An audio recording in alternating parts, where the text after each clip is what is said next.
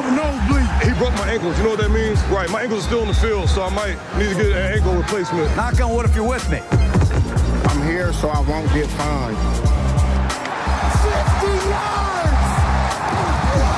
You tired? You tired? Just win, David. Let's go to eat a damn snack. Can't wait. Välkomna till Viaplays NFL-podd. Vecka 8 med mig Marcus Brien och Viasats expert och kommentator Oskar Strauss. Hur är läget? Det är väldigt bra just nu. Väldigt bra. Väldigt bra. Men, ja, Skönt vi ska att inte höra. prata om andra av fotbolls... eh, sporter. Men, Nej, det gör vi inte här. eh, Men uh, Djurgården spelar jävligt Vi håller oss som alltid Ja. till den ovala bollen. Det gör vi. Du, den här veckan tyckte jag det var, det var jäkligt skönt där i söndags när matcherna, man fick den här bonustimmen. Mm. Matcherna börjar klockan sex istället och framförallt liksom att man kunde hålla sig vaken lite längre på de senare matcherna. Nästan eh, se klart dem. För mig som är en kämpande småbarnspappa så är ju de timmarna guld värda. Ja, men det, det är det absolut bästa. Eh, nu satt jag inte studion i den här söndagen, men när man sitter i studion och man blir klar med den sena matchen eh, strax innan ett eller halv ett istället för ja, två. Eh, jag, jag som har ett annat jobb också under dagtid så är det rätt skönt att eh, komma hem lite tidigare. Mm. Ja, och framförallt den här veckan så var det väl också de, de senare matcherna där, alltså runt nio då, som var de bättre matcherna, de kanske mer intressanta. Det var ganska grått eh, generellt över de tidiga matcherna. Eh, Det var ingen riktig match som stack ut på pappret. Nej. Du kommenterade ju match i, i helgen här. Eh, blev lite nyfiken på här just när det gäller kommentering eller expertrollen, om du har någon sån här förebild eller kanske någon favorit bland liksom de NFL-kommentatorerna som du kanske ser upp till eller tar efter eller tycker bara är jäkligt bra. Ja, ehm, Är det Joe Buck? nej det, det, det är det faktiskt inte. Ehm, nej men, det, det är lätt att säga Tony Romo. Ehm, För att han har, ska inte säga revolutionerat det liksom, kommentatorspåret liksom, som en gammal quarterback. Han gissar spel och så vidare. Vissa uppenbara saker kan jag tycka när man, när man sitter med. Men jag kan förstå att man gillar det. Jag gillar han också. Jag gillar Han, att jag, lyssna på det. han är ju bäst tycker jag. Men jag, absolut, och, men, men jag tycker att när, när det händer mycket, alltså jag kan ju uppskatta alltså, spanska eller liksom, eh, brasilianska kommentatorer i fotboll. Ja. Liksom, det, liksom, man lägger på det där lilla extra. Eh, De har ju en annan energi. Liksom. Ja, ja och, och när det är en viktig touchdown eh, som, som förändrar matchbilden, då, då ska det höras också. Inte bara säga touchdown. Liksom det, det, det, det ska hända någonting. Och då, jag gillar att det liksom låter lite extra då och liksom för att spra, spraka igång en match. Det, det beror på självklart på matchbilden också, men, men där måste man som kommentator liksom förhöja eh, upp matchupplevelsen för tittarna också. Eh, så, så det tycker jag är viktigt. Så, nej, det, på det sättet, ja, Joe Buck som du nämnde där, han kan göra det bra ibland. Och liksom, jag kommer ihåg framförallt uh, Minneapolis Miracle när Stefan Diggs tar bollen på sidlinjen och, och springer in för en touchdown mot New Orleans Saints.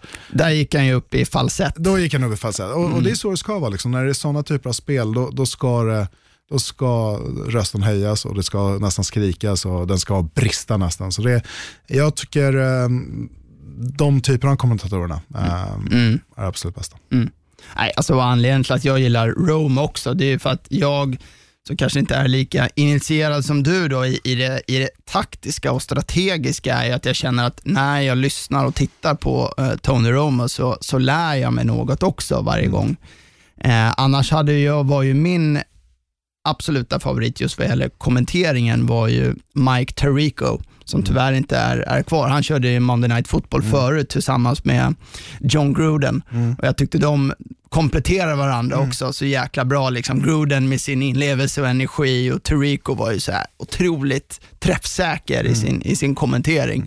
Tittar du på golf, om man gör det, eh, så kör han mycket golf. Han, Mm. Ah, ja. han och Jim Okej. Nance kör, eh, kör golf. Okej. Ehm, så så eh, jag, jag håller med dig, Tirico är väldigt bra Mm. och, och väldigt kunnig också. Ehm, så så nej, han gillar jag att lyssna på. Oskar, nu är vi ju halvtid in i säsongen. För de flesta lagen då har ju spelat åtta matcher, förutom de lagen då som har haft en bye week som står på sju. Och Då tänkte jag att det vore väl passande att ta lite temperaturen här på lite lag och spelare med en liten halftime awards. Och om du först bara får säga lite allmänt vad du, vad du känner och tycker om säsongen hittills i år. Hur, hur låter det då för dig? Oj, nej men eh, det- har väl varit en liten besvikelse på vissa, liksom, vissa lag som man har hoppats på. Uh, vi har ju självklara lag som ska vinna många matcher, uh, men man vill ha de här uppstickarna mot de som just har vunnit Super Bowl. Uh, och, och Jag tycker det är lite tråkigt när man hoppas på ett lag och så faller de platt. Eh, tänker självklart på liksom, Cleveland Browns och Atlanta Falcons och, och andra. Men, men samtidigt så får de här uppstickarna som gör det så jäkla roligt som ingen hade väntat sig i till exempel 49ers. Så, så det, det, det har varit en säsong där ja, det går upp och ner. Eh, och det har varit heartbreaks med missade sparkar i slutsekunderna och det har varit fantastiska spel samtidigt. Så det, är, det, det, är, en, det är en ny säsong. Jag tycker att, tycker att Ja, som min sågning förra veckan var domarna. Eh, jag, jag tycker det har blivit till det sämre faktiskt i år Ja. ehm, än vad det har varit tidigare. Och, och det gör att ja, man liksom tappar, jag ska inte säga att jag tappar tjusningen, men, men, men, men eh, vissa delar av det tycker jag det blir jäkligt många avbrott och det, det blir en sämre matchupplevelse för många. Jag tycker också att det är väl kanske två saker som har definierat säsongen hittills. Det ena var inne på just med, med domarna, domarnivån och alla diskussioner kring de nya reglerna. Och, ja, vi behöver inte dra i den tråden igen, det har vi pratat om. Och Den andra tycker jag är alla nya unga quarterbacks som, vi, som vi har fått se i år. Eh, och ja, tillika då skadorna på, på många befintliga quarterbacks. Det brukar ju alltid dyka upp någon eller några, men i år har det varit ja, än mer då. Tillsammans med att en del blir äldre blivit bänkade eller som Andrew Luck då sl- slutade precis innan säsongen. Och det är det, liksom, när vi kommer titta tillbaka på eh, 2019 års säsong om tre fyra år, då, då tror jag det finns en stor chans att tänk, eller se på det som att 2019 det var året då nya quarterbacks tog steget fram och liksom blev den nya generationens starters eh, som vi kommer få se väldigt mycket i, här, i, här i NFL i framtiden. Mm. Sen vet jag inte om man är lite färgad av liksom nutiden. Det är ju lätt att glömma bort sådär tillbaka, men alltså jag upplever här och nu lite att det är nästan större differens mellan de, de bra lagen och de, de sämre lagen är, är sämre, om man säger så. Då. Eh, och det är, det är nästan tydligare nu, i alla fall så här, halvvägs in på säsongen, lag som gett upp, alltså bara efter några veckor. Att ja, men här, har vi, här har vi gett upp och vi, ja, vi har sett det, det har varit mer trades och så vidare. Ja, nej, men, det kan jag hålla med om att liksom, spreaden mellan lagen har blivit stor. Liksom. Eh, och, och Vi märker ju det när, när spelare ska tradas eller blir till och med kattade från laget. Man vill spela en vinnande lag. Från att det har gått att liksom, lönerna har bumpats upp och blivit högre och högre och pengarna har varit det enda viktiga. Så har det gått lite mer under den här säsongen att vi, vi vill spela ett vinnande lag. Pengarna är jag ska inte säga sekundärt, men, men det är inte en lika stor viktig del i det, utan man, man vill vinna fotbollsmatcher. Och, och ta den rollen som, som man blir liksom, för att passa in i laget och, och i den här lagmaskinen för att vinna matcher. Och det, det, det gör ju NFL mycket roligare än de här individualisterna som bara tänker på pengarna i slutändan. Ska vi hoppa in i lite utmärkelser då? Och då är alltså att vi, vi gör en halftime check här egentligen. Jag tänker vi, vi börjar med, med en besvikelse. Men en besvikelse vill jag ha. Ja, jag vill ha en besvikelse. Årets besvikelse hittills i NFL, Oscar. Va, Det- vad säger du där? Det är en three-way split för mig. En, en three way split? Ja, det är det. Och, och då tänker jag på lagmässigt. Eh, och eh, tänkte på domarna där tidigare, men, men jag, tänk, jag tänker ta tre lag. Och det är Bears, Falcons och Chargers. Jag tycker inte, av det man har sett tidigare och, och det de har satsat på i lagbygge och så vidare, tycker jag att det har varit en riktig besvikelse.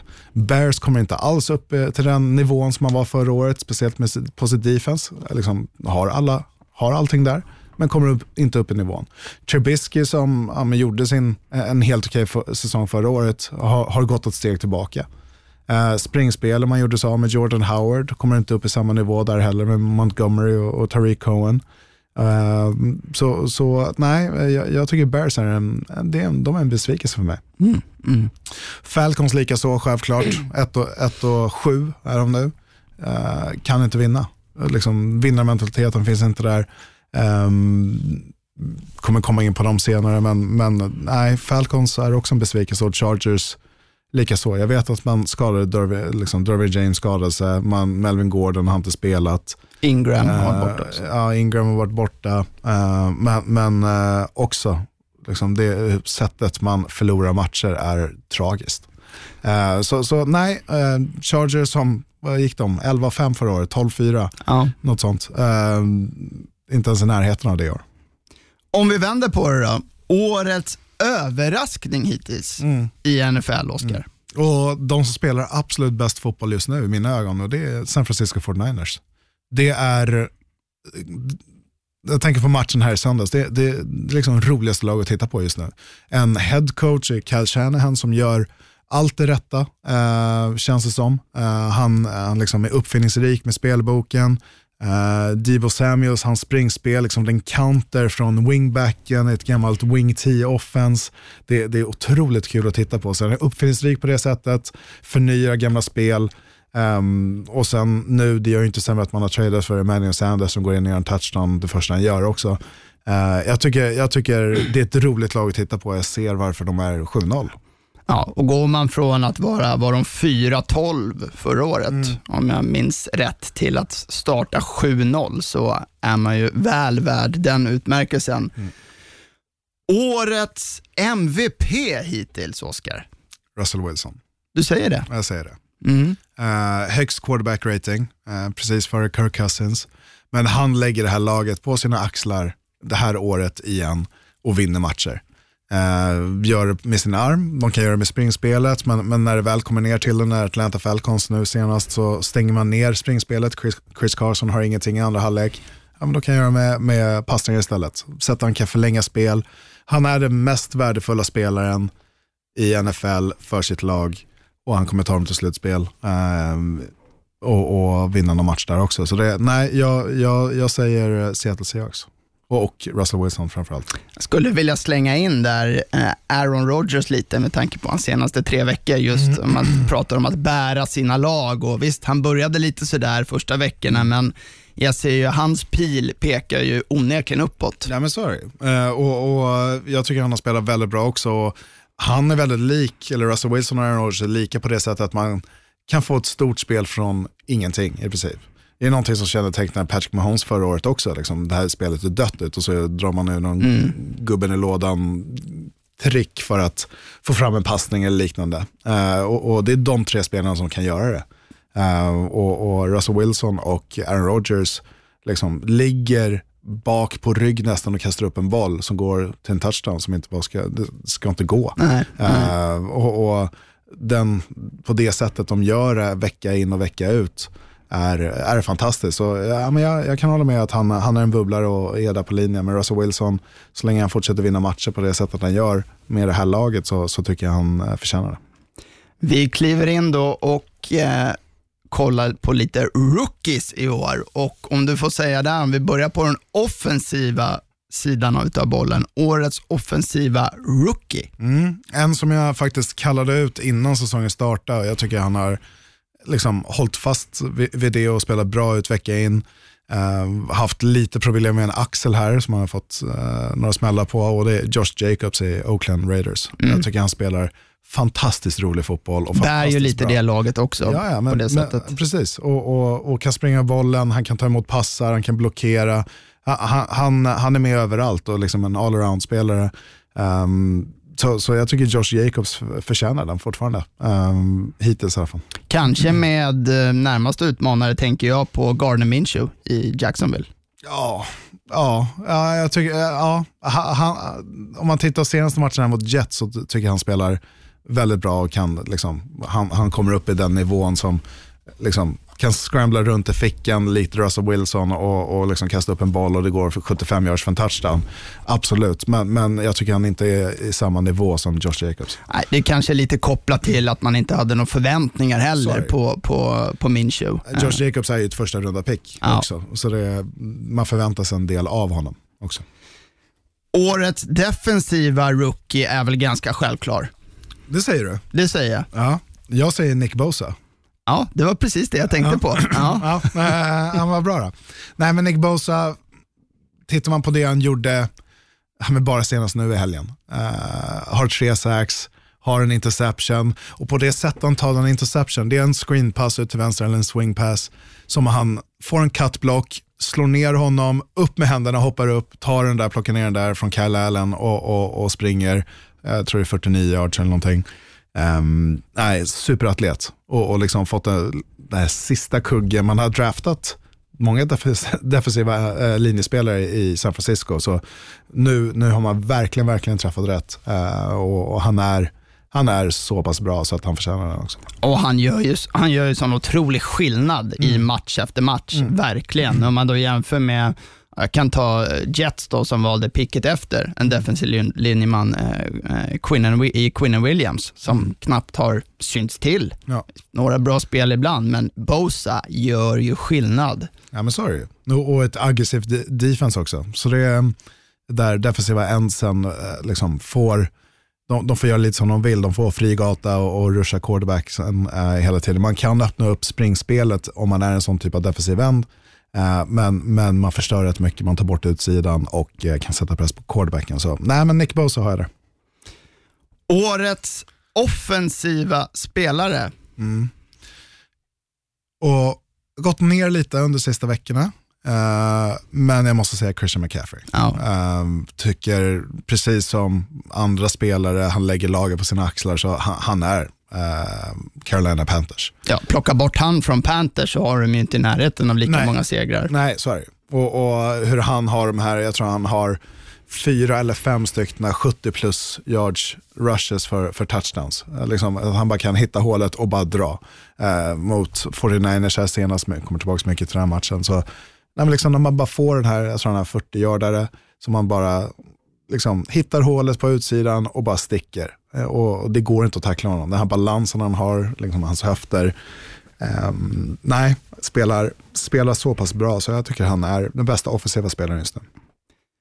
Andra sidan bollen då, årets defensiva spelare. Ja, Svårt, ja, eller? ja men den är svår. Jag pratade tidigare under, jag tror vecka tre, vecka fyra, eh, pratade vi Jack Barrett. Liksom. Hade han åtta sax på första tre matcherna Ja, och nu här? han tio efter Ja. åtta veckor. Så det, det, det har ju gått ner självklart. Men, men en spelare, jag satt och, den var inte självklar, men jag satt igår och, och tittade lite. eh, och, och Då hittade jag en spelare som har spelat i Patriots tidigare och fick gå därifrån eh, efter att han inte fick spela någonting i Super Bowlen. Och det var Logan Ryan. Eh, och, och så tittade jag på hans statistik. Som cornerback har han tre och en halv sacks.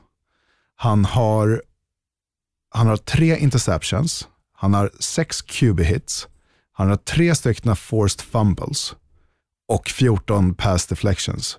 Det, Det är inte illa. det är en helt okej statistikrad för, för en cornerback.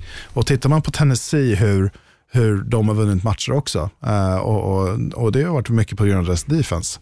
Och kan du ha en sån spelare som liksom kan skapa sacks, du kan skapa eh, liksom turnovers på det sättet han gör, som på, från cornerback-positionen, ja, men då tycker jag att man ska prata om honom.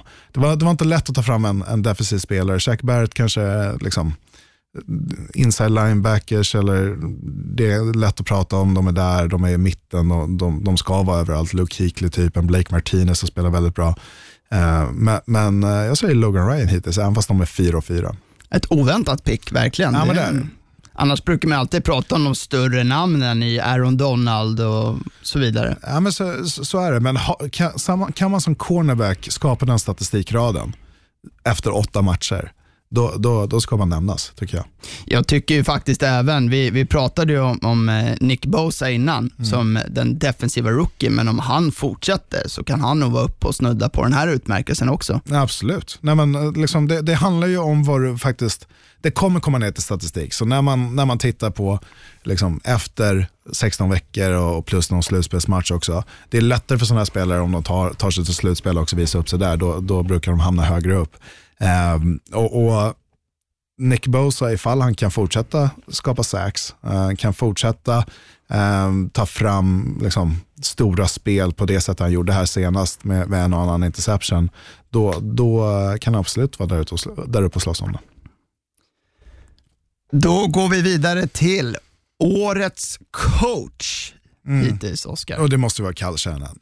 Eh, liksom, vi pratar om laget, eh, överraskningen, komma tillbaka och vinner fyra matcher i fjol, visserligen med en skadad quarterback, men kommer han tillbaka och vinner sju matcher, eh, spör liksom, Super Bowl-utmanaren på hemmaplan på det sättet de gjorde det. Ehm, nej, det, det finns bara Shanahan för mig. Ja, han är ju fantastisk. Ja. Han är fantastisk. Sen är, är det ju många som har gjort ett bra jobb. Jag tänker ju på Sean Payton, bland annat i Saints. Ja men absolut. Eh, och, och att, ta in en backup quarterback på det sättet och vinna alla fem matcher eh, och sätta laget i sådana bra situationer och, och liksom lyfta sitt defense på det sättet han har gjort också. Så, ja, men han, han, är väl med i, i snacket också. Det, beror, liksom, det, det är halvvägs in, eh, är ett lag 7-0 ehm, så, så tycker jag att man förtjänar det med att gå från 4-12 liksom, och snart dubbla sina vinster efter halvvägs in i säsongen. Vi får se om alla dessa även får behålla sina utmärkelser sen när vi summerar säsongen.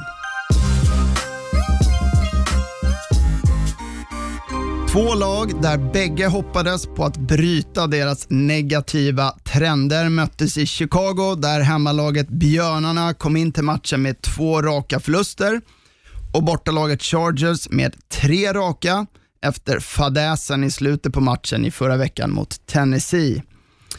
Hemmalagets head coach hade inför matchen lovat att man skulle springa med bollen mer. De har också fått mycket kritik veckan innan av att lägga för mycket tryck på quarterbacken Mitch Trubisky. Och eh, han höll vad han lovade här. Eh, då deras rookie running back David Montgomery, han sprang bollen för 135 yards och en touchdown. Men trots det och ledning i paus med 9-7 så haglade buropen från fansen i, i Chicago. Alltså, mot deras ineffektiva och väldigt stela anfall. Och inte blev det så mycket bättre i andra halvlek där man bara mäktade med en touchdown och sju poäng. Men trots det så hade man ju läge att avgöra i sluten, men kicken Eddie Pinheiro missade ett field goal för vinsten från 42 yards.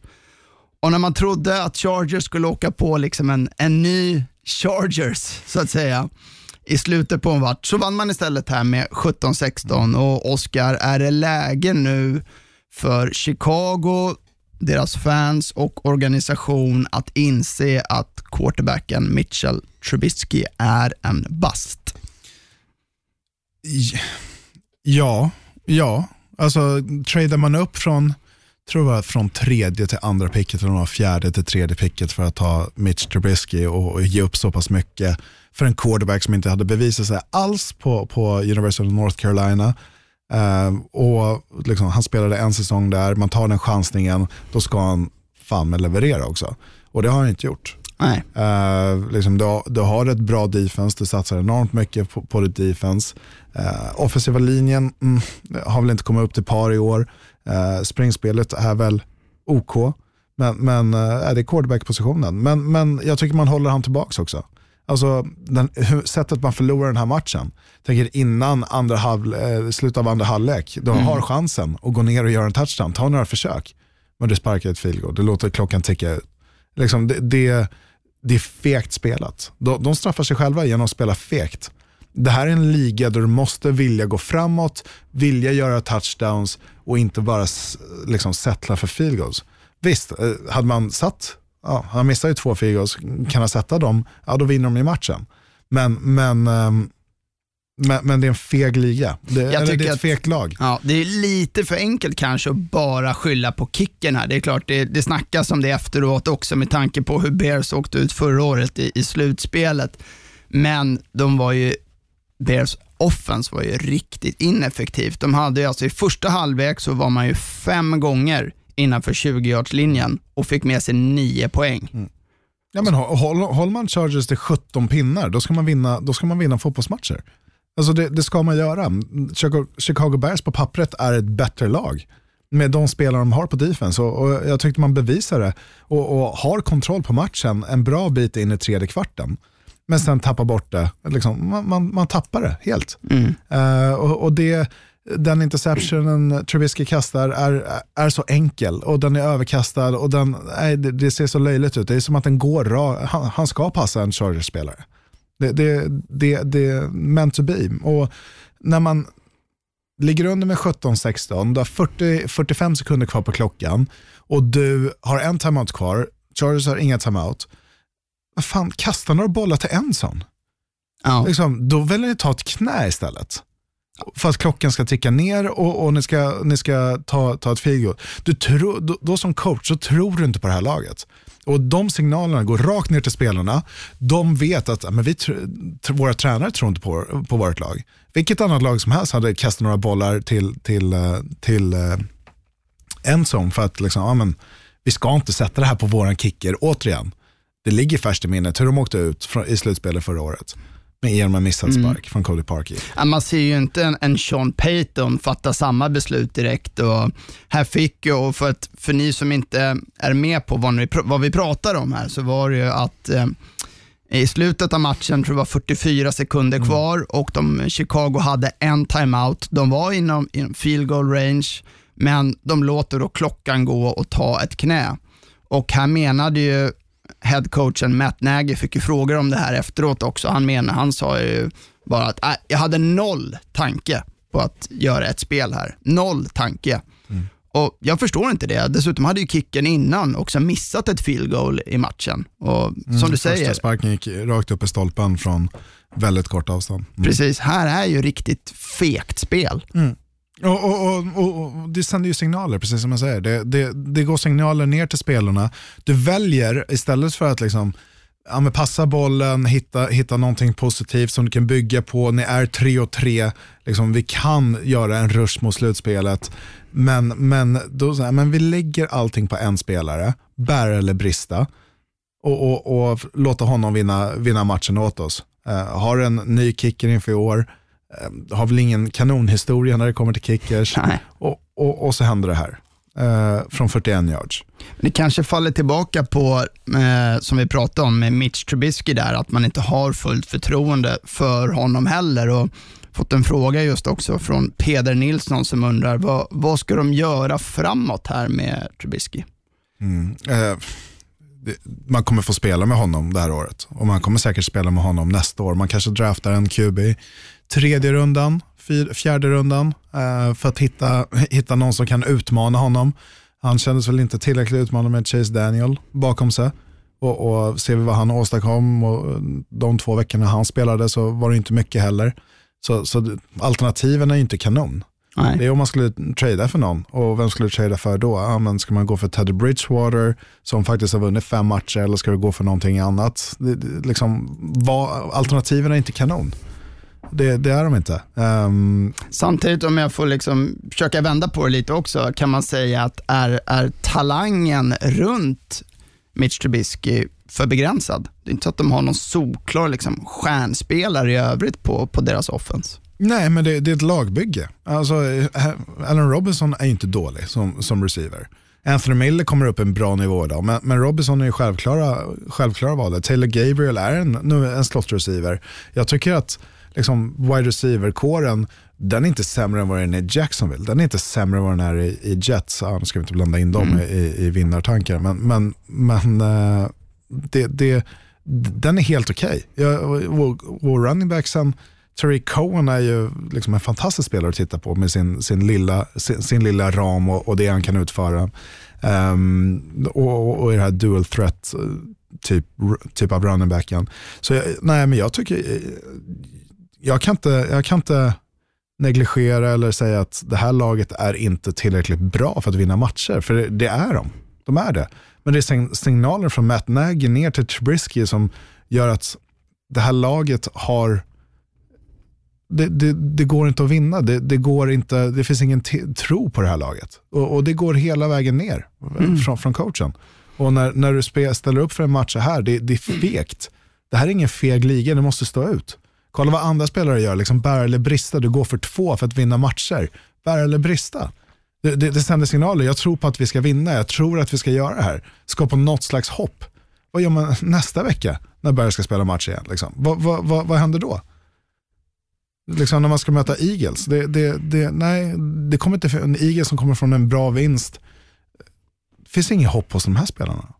Nej, förra året så var man ju kanske lite, alltså Matt Nagy blev ju coach of the year förra året mm. och man, man vände ju på steken i, i Chicago och gick till slutspel. Man var 12-4 och vann divisionen, en tuff division. Mm. Eh, samtidigt kan man väl känna att äh, de kanske inte spelade förra året som ett 12-4-lag. De hade ju en otrolig alltså turnover ratio i, på plussidan. Ja, de, fick, defense. de fick ju med sig otroligt många fumbles och, och interceptions som kanske studsade deras väg, men det är ju inget man kan förlita sig på att det gör det från år till år heller. Nej. Och, och man sprang med bollen väldigt bra också. Um, då. Och man, man lämnar inte över bollen till andra laget. Mitch Trubisky förra året, han, han kastade bollar, ja, men de, många var overthrown, alltså man, man kastade dem för långt. Men då liksom, Matt Nagy har ju sagt det till honom, liksom, om du inte har en väldigt öppen wide receiver, lägg bollen då där ingen annan kan ta den, förutom din wide receiver. Liksom, låt han springa ifatt bollen, liksom, komma under bollen, eh, men, men, lägg den inte så farligt där det liksom står en safety och väntar åt på insidan eller liknande. Så det, det, men, men i år är det inte samma grej börjar, du börjar komma igång här. Det var en halvt mini, minisåg nästan här. Ja, du, du, du, du, du laddar upp här. Eh, skönt ändå för Chargers att motståndarna gör en Chargers och att de fick med sig en vinst.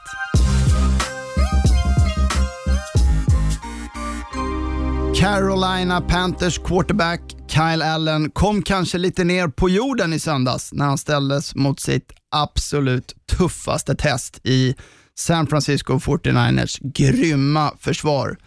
Han kastade inte bara sin första interception utan totalt tre och för bara 158 yards när hans Panthers blev överkörda av 49ers med 51-13. Och Oskar, blev han lite synad här eller är det 49ers defense bara som är så här grymt bra och gör så här mot, mot alla quarterbacks? Ja, en quarterback som blir säkrad sju gånger, eh, det kommer skaka honom. Får man möta den här defensiva enheten, kanske ligans bästa defense just nu, eller det är ligans bästa defense just nu i San Francisco 49ers, ja, men såklart det kommer skaka en rookie quarterback. Och, och han kanske har levt lite länge på att vinna matcher Kyle Allen var liksom, han var, han, han var osynad när han kom ut från college, hade inte gjort speciellt mycket. Um, men men uh, jag ska inte säga att det var hans true color som kom ut idag, men, eller i, igår, igår, söndags. Uh, och, men uh, men uh, nej, 49ers stängde ner honom totalt. Ja, och vi ska säga det, 49ers defense har alltså inte tillåtit en touchdown sedan vecka tre mm. mot Pittsburgh senaste fyra matcherna så har motståndarna quarterback, liksom en passer rating på 42,2. Mm. Och ska man säga då som jämförelse så kastar man bollen i marken varje gång så landar man på 39,6. Mm. Och då har man ändå mött bra motstånd i de senaste veckorna, eller bra anfall i Browns, Rams, ja, kanske inte Redskins då, och sen nu Carolina Panthers, så är 49ers rent av kanske det bästa laget i NFC. Ja, alltså jag tycker 49ers är bästa laget i hela NFL.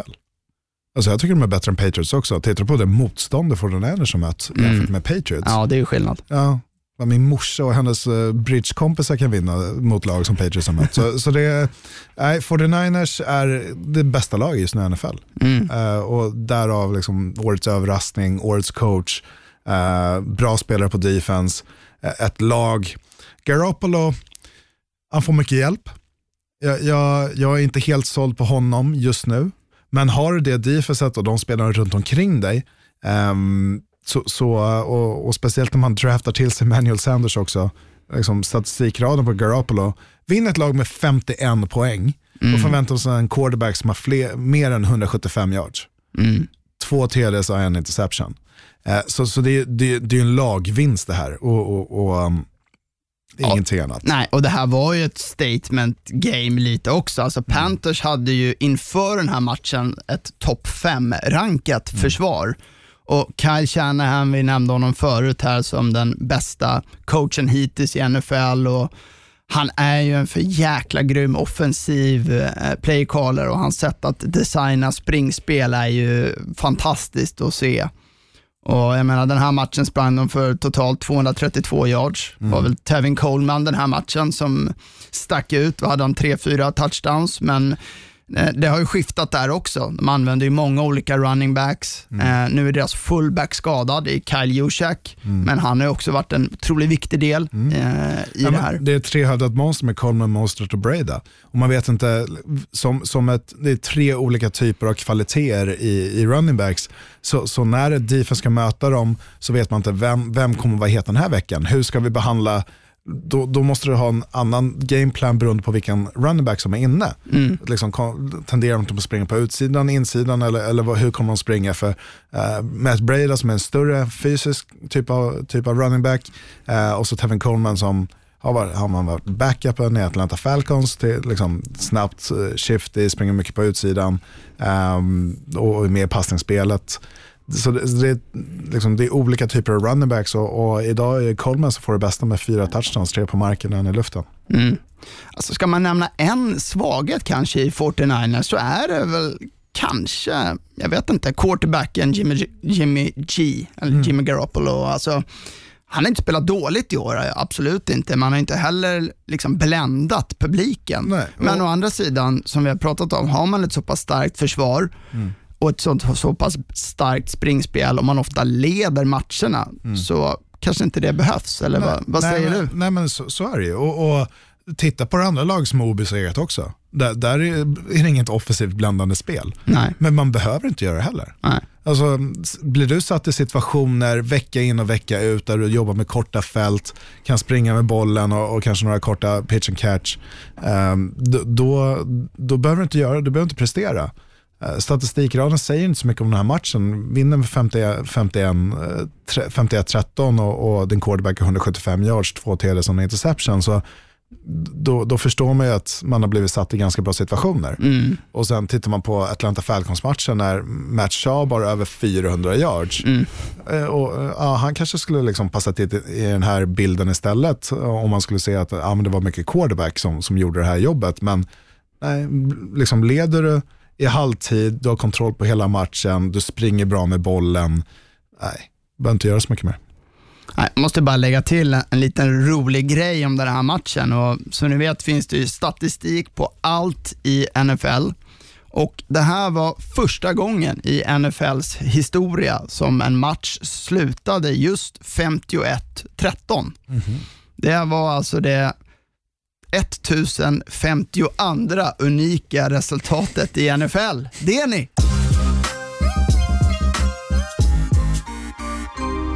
Regnet öste ner över Foxborough i Boston där obesegrade hemmalaget New England Patriots tog emot Cleveland Browns. Och, ja, matchen kunde inte starta sämre än vad den gjorde för, för Cleveland och Patriots fick verkligen allt med sig igen kanske i, i inledningen av, av matchen.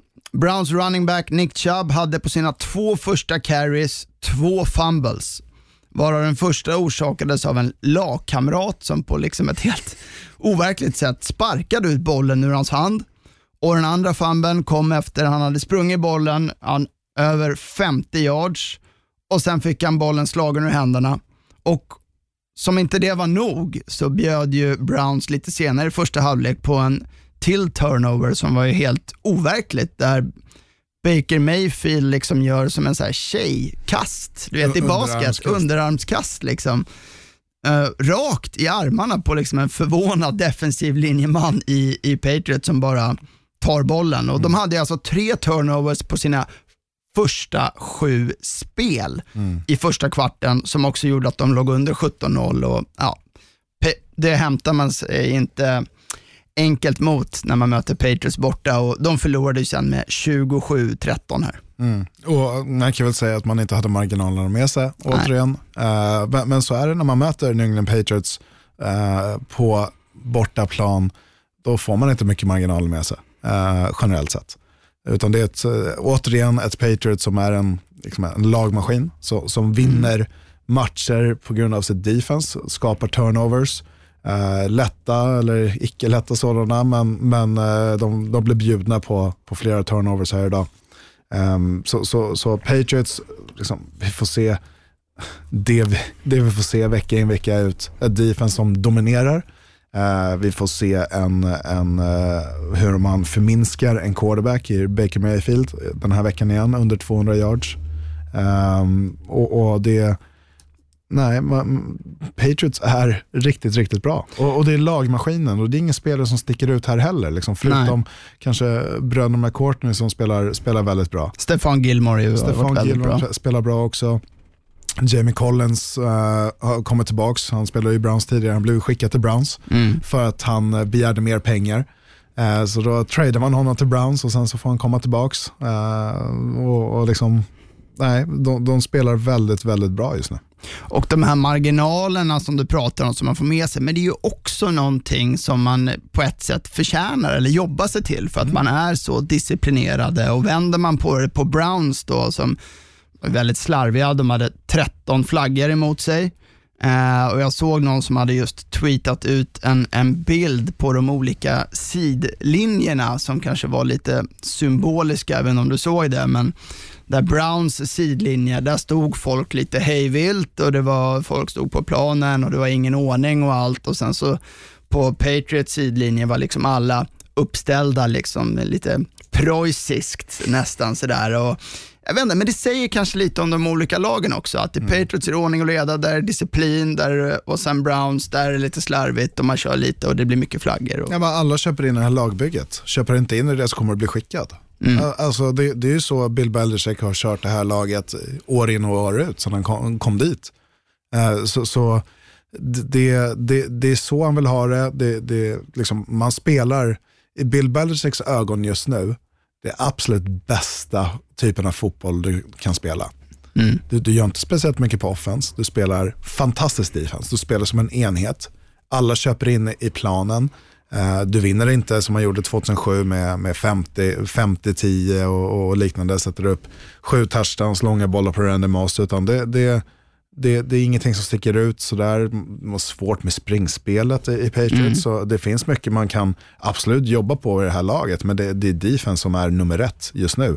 Och, och såg också något sjukt att ifall, ifall Patriots inte ens hade spelat offense så hade de fortfarande vunnit tre matcher. ja. Eh, vilket är helt sjukt. De har gjort fler touchdowns som de har släppt in Ja. på defense. Så det, det är, eh, de spelar fantastisk fotboll och i den andan som Bill Belichick vill spela också. Och det är defensiv fotboll. Samtidigt som du sa, de har ju haft eh, ligans enklaste schema. Och det är inget som vi säger, utan det är ju statistiskt då, man, när man ser på lag som har vunnit eller förlorat. Men nästa vecka så kanske de får sitt tuffaste test hittills då de möter Baltimore Ravens. Borta. Borta. Sunday night. Oj, oj, oj. Den vinner, den vinner Ravens. Det hoppas vi på.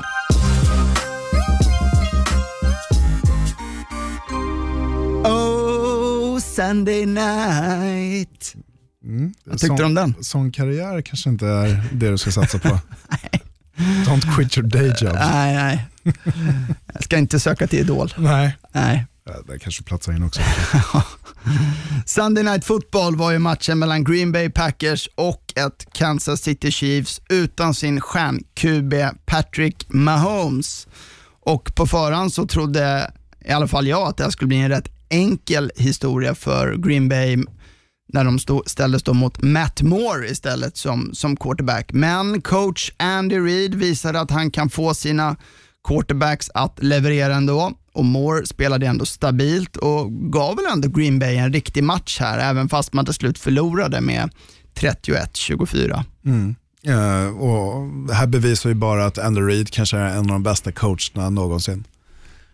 Hur han kan ta medelmåttiga quarterbacks och göra så att i ett lag som de möter, Green Bay Packers, som är 6-1 i den här matchen, kan vara med in, långt in i den fjärde kvarten och, och vara med och tävla och, och, och nästan ska inte säga att jag tyckte Green Bay Packers hade, hade den här matchen på, på liksom, de hade kontroll på den här. Kanske inte hela vägen igenom, men, men eh, stora delar av matchen. Men man kan vara med och tävla och, och även fast man spelar med sin backup quarterback nästan vinna match. Ehm, nej, Green Bay Packers spelar fantastiskt bra fotboll just nu och Aaron Rodgers är, det absoluta toppskiktet. Ja. Och Aaron Jones, wow. Det, det han har gjort sista veckorna här nu, både på, i passningsspelet och i springspelet. eh, Vilken running back. Verkligen, och jag tycker det var ju det som stack ut lite i den här matchen, var ju hur Packers använde sig av egentligen bägge sina, mest Aaron Jones, eh, men även Jamal Williams i passningsspelet. Och här hade ju Chiefs, de hade li, liksom inget att sätta emot här. Eh, Aaron Jones hade ju två mottagna passningar för, eh, för touchdowns. Ja, en är, är, är ju ett springspel, en jet Ja. sweep. Så, så även fast det blir i, i passningskolumnen så, så är det ju ett springspel i sig. Och, och, och på det sättet hur man använder en emotion över och sen kommer tillbaks och sen har man Jamal Williams som går ut och blockar för honom. Ja. Fantastisk play call av LeFleur, men, men eh, på det sättet hur man liksom kommer runt och sätter edgen och sen, och sen eh, gör den här touchen. Fantastiskt fint spel, bra uppritat.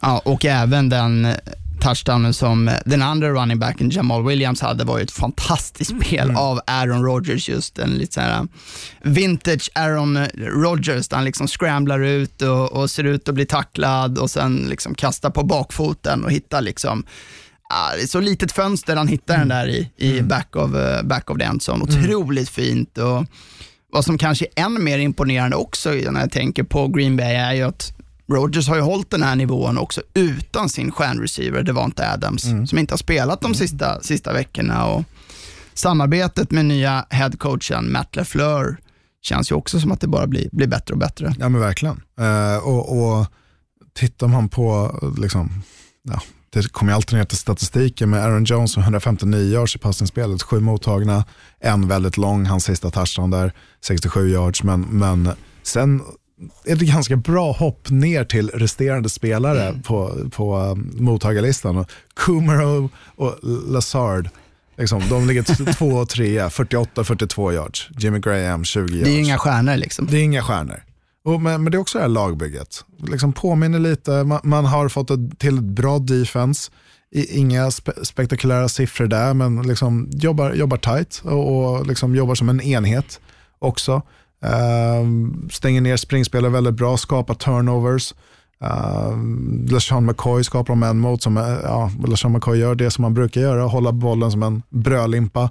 Eh, liksom håller den liksom fastklistrad i handen, har den inte high and tight och då är det någon som kommer att slå ut den där. Så bra, bra studerat, bra kolla film. Liksom, när man är mellan tackles så måste du hålla den liksom, high and tight. Men, men uh, LeSean McCoy har inte lärt sig än.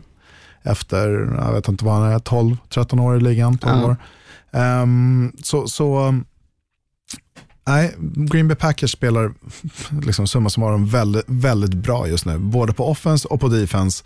Eh, och Aaron Jones ja, kan vara med och fighta som den här offensiva spelaren of the year också. Ja, en uppstickare. Det blir också spännande att följa det här Battle of the North nu när Vikings också är igång. Några snabba korta om övriga matcher. Vecka 8 startade på Thursday Night Football där Minnesota Vikings ledda av sina stjärnspelare wide receivern Stefan Diggs och running backen Dalvin Cook komfortabelt slog Washington Redskins med 19-9. I söndags i London så hade receiven Cooper Cup stor show och fångade passningar för 220 yards och en touchdown när hans LA Rams slog Cincinnati Bengals med 24-10. Bengals quarterback Andy Dalton blev också historisk som den första quarterbacken att någonsin både ha startat en säsong 08, som han nu är, och 8-0 som han var säsongen 2015. Det var bättre förr för Andy Dalton. Philadelphia Eagles visade med en stark bortaseger i Buffalo att man ville vara med och fightas med Dallas om divisionssegern i NFC East när man vann med 31-13. I NFL-studion i söndags fick vi igen se ett Atlanta Falcons ligga under stort i halvtid då Seahawks ledde med 24-0. Falcons med backup-quarterbacken Matt Schaub som kastade för imponerande 460 yards putsade till siffrorna i andra halvlek men det slutade med förlust 27-20. Efter matchen höjdes igen höga rop om Falcons headcoach Dan Quinns avgång och frågan verkar numera vara om han kommer få gå nu under säsongen eller direkt efter. Detroit Lions vill än inte ge upp kampen om slutspel i det stenhårda NFC. I söndags vann man mot New York Giants med 31-26 där receiven Kenny Galladay stack ut med 123 yards och två touchdowns. Jaguars maskot hade inför matchen mot New York Jets klätt ut sig till ett spöke för att försöka skrämma Jets quarterback Sam Darnold efter hans uttalande som fångades på kamera under hans förra match mot Patriots. Spöktricket verkade fungera inte bara mot Darnold utan mot hela New York-laget och kanske framförallt mot Jets obefintliga offensiva linje och pass rush.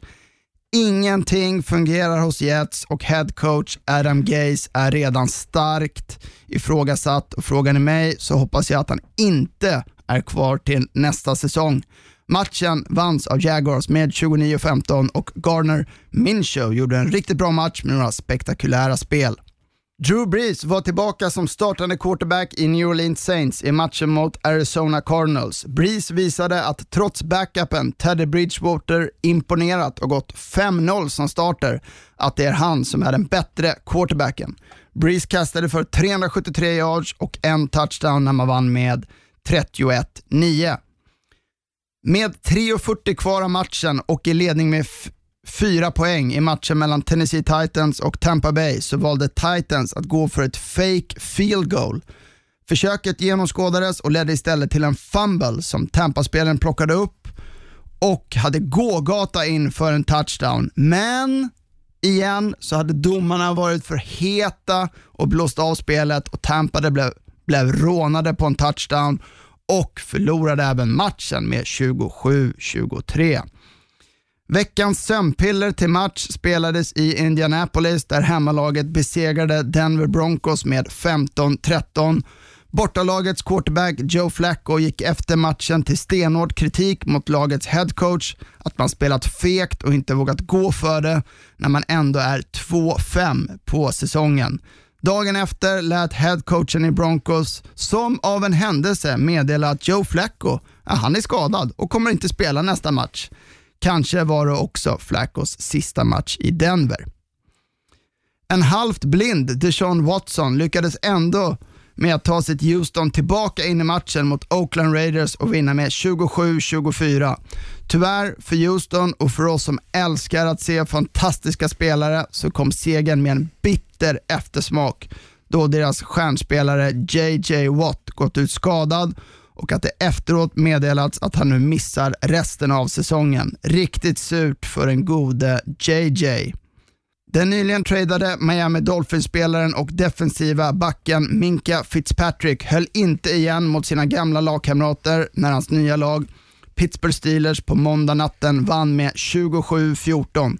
Fitzpatrick plockade in två interceptions och visade att han var värd det första picket som Steelers gav upp för honom, Oscar Strauss. Mm. Vad säger du här om övriga matcher? Nej men eh, jag håller kvar med min eh, Super Bowl-vinnare i, i New Orleans Saints. Spelar fantastisk defense och, och jag blev lite orolig när Drew Brees blev skadad. Och, eh, liksom, var tvungen att operera tummen. Och, men även det här lagbygget som går 5-0 med Teddy Bridgewater, det, det, är styrka. det är styrka. Och nu är han tillbaks och spelar väldigt bra. Man saknar Alvin Kamara, men då kan Latavius Murray istället ha en fantastisk match. Jag, jag, New Orleans Saints är, är där uppe tillsammans med uh, 49ers. Det uh, finns en stor chans att de kommer att spela en NFC-final. Övriga matcher förutom det, um, tycker det är intressant med Joe Flacco som går ut och kritiserar. Liksom. Men, men det handlar om den här vinnarmentaliteten också. Eh, precis som vi pratade om, diskuterar Chicago. Samma sak i Denver. Ja, verkligen. Eh, och, och, och jag tycker han gör helt rätt i och, att säga det. Eh, så, så jag har inga problem med Joe Flacco att han säger det. Sen så spelar inte han fantastisk fotboll heller, men, men, men det, sätter ju, det är ett statement någonstans att liksom, ja, men, vi, vi tror inte på det här. Ja, det var ju playcallingen där som han kritiserade, att det var fegt igen. Och sen det här att coachen dagen efter går ut och säger att han har en skadad nacke. Ja, det är ju... Ja, men liksom, det här är ett lag som är 2-6 nu och, och tar lite chansningar, vinner lite fotbollsmatcher. Liksom, vad har ni att förlora? Ja. Så, så det, nej, nej, det blir hemläxa där. Annars så Houston, Deshaun Watson spelar också på en fantastisk nivå. Eh, Det här sista spelet som man liksom får en sko upp i ögat och halvt blind kastar iväg en boll som går till en touchdown till sin tight. Det är nej, jäkligt kul. Oakland, de, de eh, överraskar fortfarande. Jag, Ja. jag tycker de spelar bra. Jag, jag, jag tycker det och de, de har inte marginalerna med sig för att vinna, för att vinna de här tajta matcherna. Men, men eh, långsiktigt, John Gruden har ju tio år på sig så att kanske får en eller två winning seasons i alla fall. Men, Det är ju verkligen något att bygga på i men, ja, Oakland. men, verkligen, verkligen. Jag, jag tycker det, det, det finns en framtid där så det, det är kul.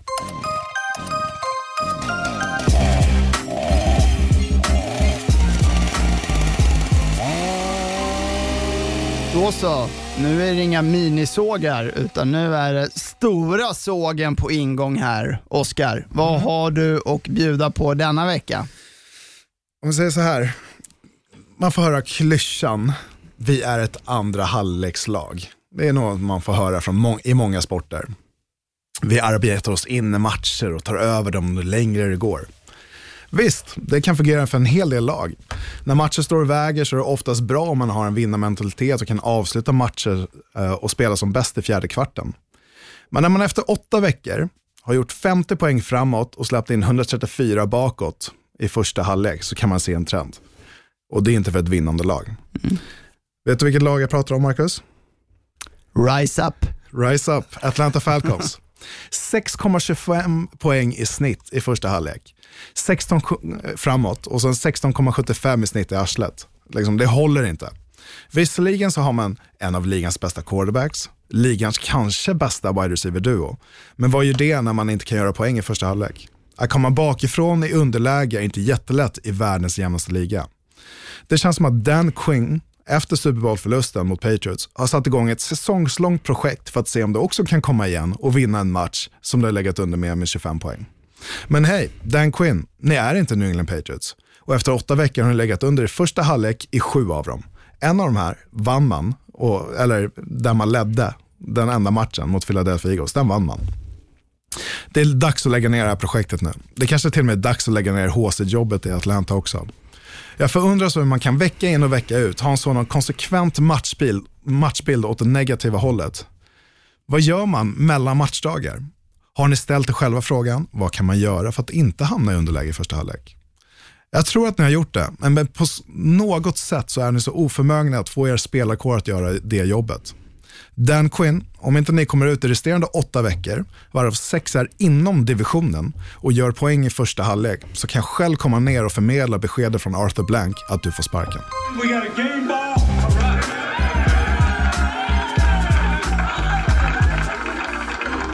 Veckans Gameball delar vi som ni vet ut till en person, lag, händelse, förteelse inom en NFL som vi tycker förtjänar det. Och denna vecka vill vi ge den till coach Bill Belichick som blev historisk i helgen då han blev den tredje coachen någonsin att nå 300 vinster i NFL, inkluderat slutspel. Och här är ju helt otroligt imponerande då, ja, som ni vet så är ju en säsong bara 16 matcher. Vinner man alla matcher i grundsäsongen i 10 år så är man ungefär lite mer än halvvägs till det. Och det är en otrolig eh, bedrift. Han har ju nu 24 vinster upp till Hall of Famen George Hallas och 47 vinster upp till andra Hall of Famen Don Shula som ligger före honom på listan. Och Det är väl heller inte omöjligt att han kommer lyckas att nå bägge dem om han bara fortsätter. Och Ser man till Bill Belichicks karriär så kom ju hans första vinst som head coach 1991 i vecka två mot just New England Patriots när han var head coach i Cleveland Browns på den tiden. Och här efter matchen, det är alltid lite kul, han har ju sin speciella stil och jargong och man tänker här att efteråt han kanske kunde bjuda på ett litet leende. Det är han ju inte så generös med.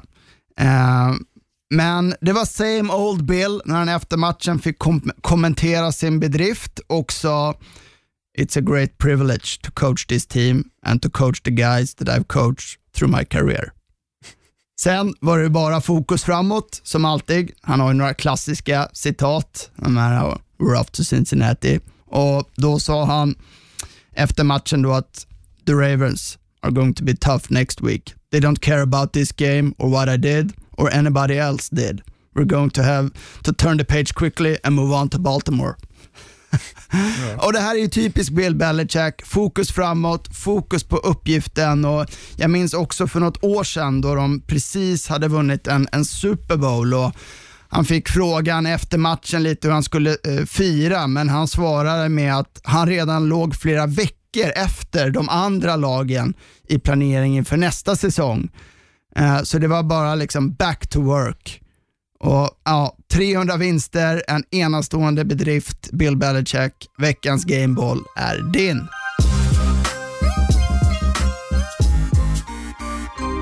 Nästa veckas match i NFL-studion på Viaplay och i TV3 Sport på söndag är matchen mellan Kansas City Chiefs och Minnesota Vikings. Chiefs är nu 5-3 mot Vikings som är 6-2 och här får vi en riktig toppmatch. Vi, vi får väl se här om Patrick Mahomes kan komma till spel eller inte och han får då ställas mot, i sådana fall mot en het Kirk Cousins i Vikings. Och Oscar, vad, vad tror du om, om den här matchen?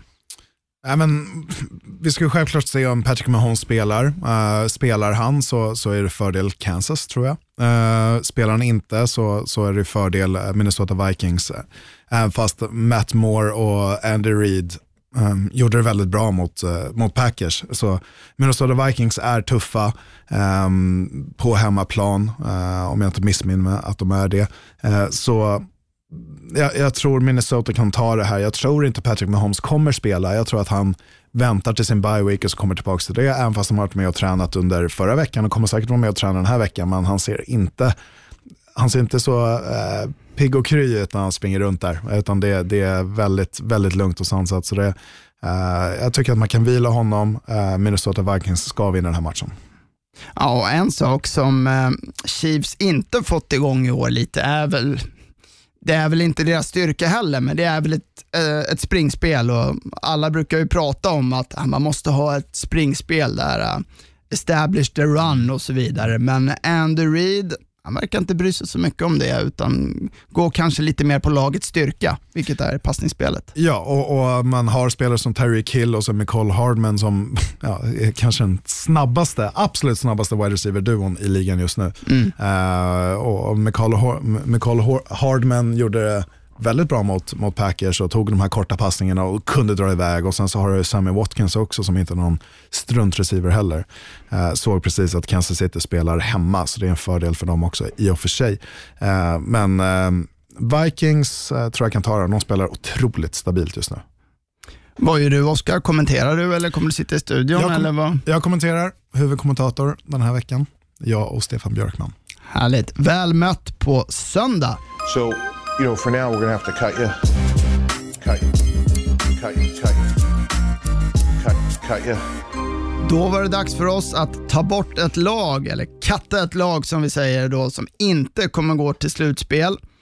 Och den här veckan så ska vi ta bort två lag faktiskt. Mm. Och ja, Oskar, du börjar med, med det ena som vi säger att de här kommer vi inte få se spela fotboll i januari.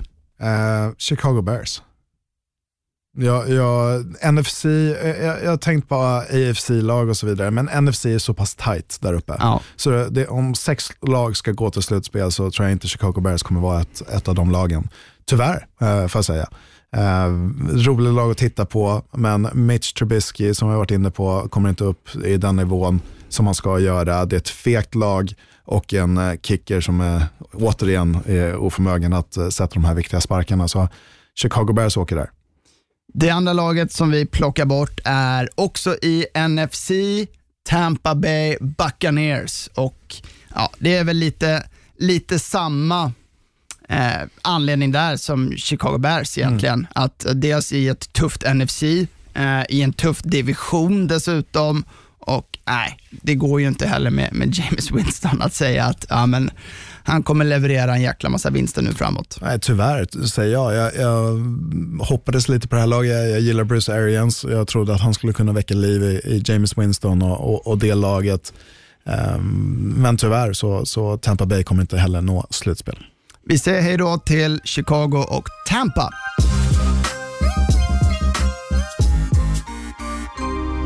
Då så, innan vi avslutar tänkte jag vi ska plocka upp några frågor som kommit in till oss via Twitter. Vi har Jesper Haglöf som undrar vad vi tror händer med Teddy Bridgewater framöver. Kan han bli starter i ett annat NFL-lag? Tror ni, tror ni att Saints tradar han eller blir han en free agent efter säsongen, Oscar? Um, jag tror man vill hålla kvar Teddy så länge man kan. Drew Brees är ju till åren. Uh, och, och, Det kan ju vara en sån typ av spelare som man har en övergång. Uh, jag vet inte hur länge Drew Brees kommer spela, uh, kanske något år till. Han spelar på en bra nivå just nu. men, men jag tror att man vill ha kvar honom så länge man kan, kanske inte till vilket pris som helst. Men får man någonting bra erbjudet för honom i, för trade så, så kan man absolut trada för honom. Um, men men han, kan, han är på den nivån så han kan starta. Han har vunnit fem matcher i ligan. Han är 5 och 0 som mm. backup. Um, så så han, han, jag tycker han är bättre än många andra quarterbacks där ute just nu. Så, och, och det här har ju bara bevisat på hur viktigt det är att ha en bra backup quarterback.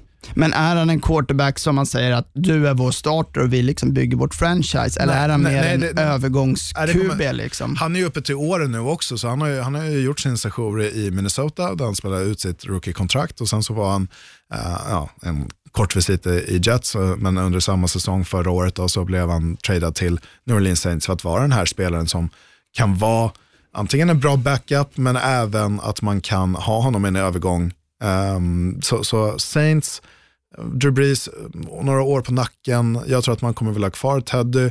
Uh, och sen så kan man drafta en quarterback. Taysom Hill är inte en sån quarterback som man kommer bygga sitt franchise uh, runt heller. Så um, kanske börja titta mot en quarterback som man draftar här inom, jag tror inte nästa år, men året därpå. Det är att man kommer drafta en quarterback och så får vi se hur, hur högt upp i sådana fall. Rejo alla Martin frågar vad vi tror om JJ Watts framtid nu när han gick ut skadad här och missar resten av säsongen. Är karriären slut? Frågetecken. Kommer han byta lag? Kommer han få ett nytt kontrakt men kanske lägre? Eller vad, vad tror du Oskar? Ja, han kommer vara kvar i, i, eh, i Houston. Han, han har en hedersdoktorutmärkelse från Houston för det han gjorde för, för den staden under stormen som var där för några år sedan och då vattennivåerna eh, ökade ganska rejält. Han samlade ju in otroligt mycket pengar ja, till staden. Och... Exakt, så han är ju en helig figur för Houston. Så, så jag tror inte man, man kastar inte bort JJ för vad som helst och han har kommit tillbaka från svåra skador tidigare. Det har varit knän, eh, avslita knäsenor, det har varit eh, armbåge och, och, och, nu drar han av sin peck, alltså sin, sin bröstmuskel, äh, går av. Eh, det, det, jag faktiskt, när jag var i Phoenix så såg jag en spelare eh, som låg och bänkade, en samoan, som låg och bänkade, jag tror det var 180 kilo, låg och reppade 180 kilo. Och under bänkpressen så slits hans ja, peck av. Då. Så det är som en en, man har sett hälsenor, så här, rullgardiner, bara rullar upp i vaden. Ja. Den här pecken, den rullar liksom från insidan, rullar ut till, till axeln. Alltså det, det, det, det såg så äckligt ut. Uh, och, och ligger där med stången över sig. Så det, är ingen rolig skada, men, men absolut någonting det kan komma tillbaka från. Så nej, men han kommer vara, han kommer vara kvar i Houston.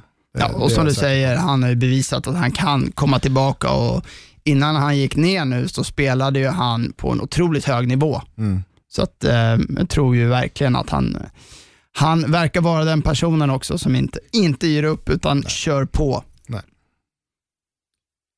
En fråga från Swedish Kermit som undrar, satsar James Winston på att slå rekord i antalet interceptions? Jag ska få kämpa lite till. Du, Eh, jag vet, du kollade upp det här Oscar. Ja, 42 stycken är rekordet under säsong. Ehm, Det är otroligt. på 60-talet. Så det, det, det, det, då får han kämpa lite till, men, men ger man sig fan på det, då kan man nå det målet. Man undrar ju hur kunde den quarterbacken inte bli bänkad? Nej, nej, ehm, Någonstans längs vägen där. Ja. 42 picks. det- Galet. Hörni, that's it för denna vecka. Stort tack för att ni lyssnat. Gå gärna in, lägg en kommentar, ratea och prenumerera. Vad säger vi? Prenumerera. Säger vi så? Ja. Ja, då gör vi det. Eller ni gör det på, på, på vår podd. Eh, kom också gärna med frågor, feedback till oss via Twitter. Eh, vi finns där, vi heter at Viaplays NFL-podd. Over and out säger Marcus Brien och Oskar Strauss. ha det bra, tjena. They can't stop a nosebleed. He broke my ankles. You know what that means? Right. My ankles are still in the field, so I might need to get an ankle replacement. Knock on wood if you're with me. I'm here so I won't get fined. 50 yards! You tired? You tired? Just win, baby. Let's go to eat a damn snack. Can't wait. produceras av I Like Radio. I Like Radio.